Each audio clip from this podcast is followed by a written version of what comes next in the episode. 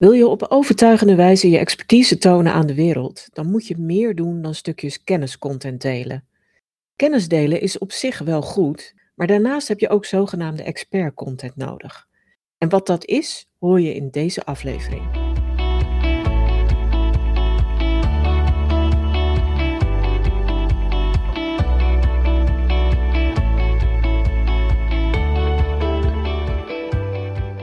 Stel, je wil een expertstatus opbouwen. Daar ben je misschien al mee bezig. Je wil je expertise laten zien en daarvoor het bewijs leveren. Waarom is het delen van gewone kenniscontent dan niet meer genoeg? Want dat was in feite wat ik zei in de intro van deze podcastaflevering. En daar zijn verschillende redenen voor waarom dat niet meer voldoende is. Allereerst omdat we allemaal lijden aan content shock jouw doelgroep ook. En wat is content shock dan? Het is een begrip dat in 2015 door een content marketing expert in de Verenigde Staten is geïntroduceerd en eigenlijk ook toen meteen wel door iedereen is omarmd. Content shock zegt dat we allemaal veel te veel boodschappen om onze oren krijgen. Er wordt elke minuut zoveel content geproduceerd dat je bijna daar niet je weg meer in kunt vinden als normaal mens. Dat zie je ook continu om je heen natuurlijk. Allerlei professionals en bedrijven delen content. En dat doen ze her en der. Dus kenniscontent delen op, zich is niet meer genoeg om echt onderscheiden te zijn. En dat zie je ook aan de inhoud ervan, want veel ervan is hetzelfde. Veel bedrijven, ondernemers, professionals delen blogs of artikelen, maken leuke, boeiende, interessante korte video's van een paar minuten, maken checklists en stappenplannen. En dat is op zich wel goed, maar als dat het enige is wat je doet, is het veel te doorsnee. En daar komt nog extra onderzoek bij, wat in 2021 is gedaan door PR-bureau Edelman samen met LinkedIn.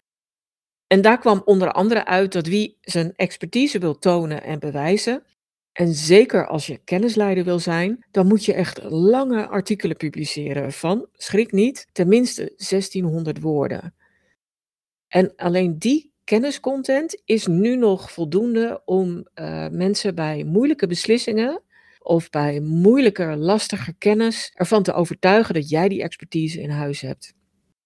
En dat blijkt eigenlijk niet alleen maar uit het onderzoek van Edelman, maar je ziet het dat het een trend is die al heel lang gaande is. Elk jaar wordt het getal van het aantal woorden dat je zou moeten schrijven om een artikel te laten ranken in de Google zoekresultaten. Dat getal stijgt alleen maar. Dus een paar jaar terug kon je nog met duizend woorden uit de voeten. Dat ging op een gegeven moment 1200. Toen werd het advies 1500 woorden. En momenteel zie ik wel adviezen dat je content tenminste 2000 woorden moet tellen. Wil je vindbaar kunnen worden in Google en een hoge positie kunnen claimen. Overigens ben ik het daar helemaal niet mee eens. Lengte is belangrijk omdat het ook in een bepaalde diepgang resulteert. Als je echt goede inhoudelijke kennis deelt, dan worden dat over het algemeen ook langere artikelen.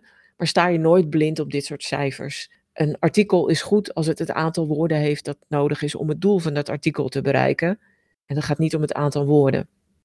Maar al met al zie je wel dat de trend is om naar langere content te gaan. En betekent dat dan dat jij je voortdurend moet uitputten in lange content? Dat je met een nou, doorsnee blog van 600 woorden niet meer uit de voeten kunt? Of dat je niet meer een leuke video van drie minuten kunt maken? Nee, gelukkig absoluut niet. Ook korte content werkt nog steeds mits de inhoud van je verhaal past bij de korte vorm die je gekozen hebt. Dus ja, kennis delen in je content, kenniscontent maken is belangrijk. Maar als je je expertstatus echt wil bewijzen, dan moet je nog drie andere soorten content ernaast zetten. En dat noem ik expert content. Die expert content bestaat dus uit drie soorten of drie componenten. De eerste is gidsende content. De tweede is pionierende content. En de derde is betrouwbaarheidscontent. Hoe zit dat dan precies? Wat is gidsende content? Gidsende content gaat echt veel verder dan stukjes kennis delen. Het is vaak wel informatie, maar daar houdt het niet bij op. Het geeft bijvoorbeeld wel de trends weer in een bepaald vakgebied, maar komt ook met een visie van welke trend verwacht ik nou dat zometeen echt gaat doorzetten en uh, voor, voor wie is die trend van betekenis? Hoe ga je met die trend om? Hoe, je, hoe zet je hem in? Dus het gaat verder dan een artikel over trends maken, maar je vertelt er ook van alles bij en je laat zien hoe mensen dat kunnen gebruiken. En dat geldt ook als je nieuwe data en feiten presenteert. Daar doe je dan ook meteen een interpretatie bij. Je kunt ook content van anderen delen, mits die anderen ook een bepaalde autoriteit hebben natuurlijk. En ook daar geef je dan weer je eigen toelichting bij en vertel je van hoe het in jouw ogen nuttig kan zijn, ingezet kan worden en hoe die geweldige content van anderen relevant kan zijn voor jouw doelgroep. Gidsende content kan ook echt uitgebreide kennis zijn, zoals een whitepaper waarbij je van A tot Z uitlegt hoe een bepaald proces in elkaar zit en hoe je daar optimaal gebruik van maakt, of hoe je goed gebruik maakt van een specifieke tool of een ander middel. Het kan ook een echt lange video zijn, dus bijna al een soort masterclass of videocollege, waarbij je ook echt de diepte ingaat en mensen laat zien hoe ze iets doen, dus dat je verder gaat dan alleen maar die kennis delen. En tenslotte kun je ook gidsende content maken door blikken achter de schermen te laten zien. Bijvoorbeeld van je eigen praktijk, de dingen die je zelf doet, hoe je aan die kennis komt, hoe je die kennis inzet, hoe je bepaalde resultaten boekt. Dus kijkjes achter de schermen zijn ook vaak gidsende content als je ze daarop inricht. Want dan laat je mensen zien hoe iets werkt of in zijn werk gaat. En wat ook belangrijk is bij gidsende content, en dat is voor veel mensen nog wel een beetje eng, is dat je niks achterhoudt. Je laat echt 100% volledig zien hoe je zelf aan kennis en resultaten komt. En dat vinden veel professionals nog wel eng, omdat ze denken van ja, wat heb ik dan nog over om te verkopen? Dan kunnen mensen alles zelf doen. Ja, en dat is altijd die paradox met content en content marketing. Het gekke is dat hoe meer je deelt en hoe meer handvatten je mensen geeft, hoe vaker ze toch ook bij jou zullen komen om het echt goed te laten doen. Want lang niet iedereen heeft zin om dingen zelf op te lossen. Kleine dingen misschien wel, maar de grotere dingen hebben ze liever een expert bij.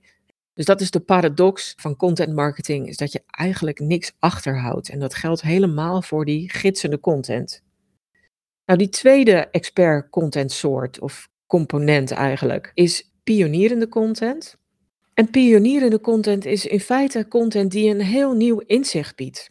En dat kan op heel veel verschillende manieren. Dat kan met eigen onderzoeksdata, maar dat kan ook met onderzoeksdata van derden, die jij bij elkaar brengt en combineert en interpreteert en daar bepaalde dingen uithaalt en die presenteert aan jouw doelgroep.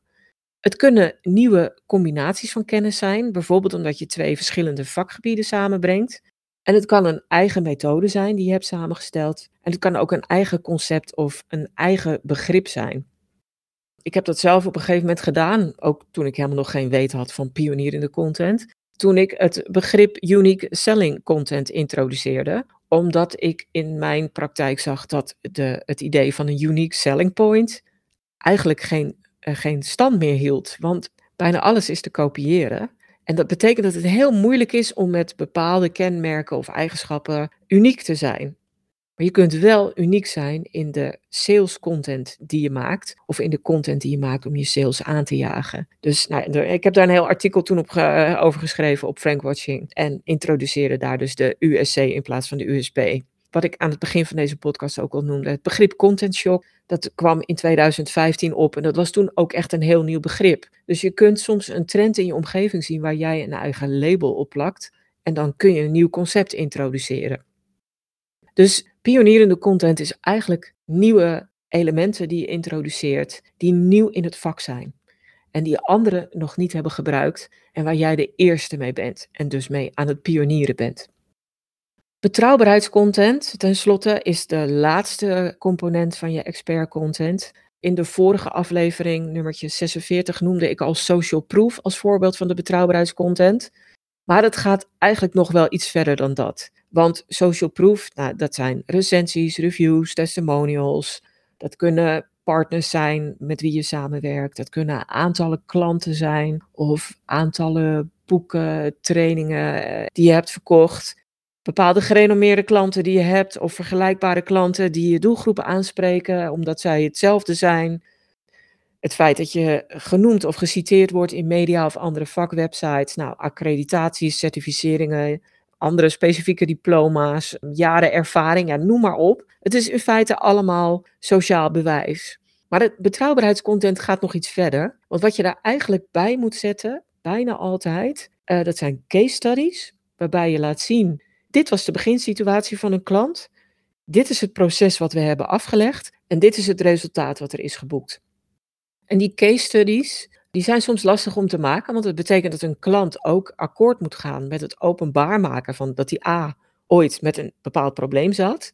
Dat er toen een traject is doorlopen, waar misschien ook wel dingen in staan of naar buiten komen, die niet elke klant fijn vindt om met de buitenwereld te delen. En een eindresultaat dat er is. Dus het is soms lastig om te maken, maar case studies, daar kun je echt heel veel betrouwbaarheid en status en bewijs aan ontlenen. En een andere manier van betrouwbaarheidscontent, en ja, die is ook lastig, is ehm, in goed Nederlands, maar niet thuis, walking the talk. Wat je zegt ook echt zelf doen en in praktijk brengen. En dat geldt voor jezelf, maar ook voor je team als dat naar buiten treedt. En dat betekent dat je heel erg alert moet zijn van ja, maar ik zeg dat iemand dit moet doen om resultaat te boeken. Maar kijk dan ook of je dat zelf kan doen.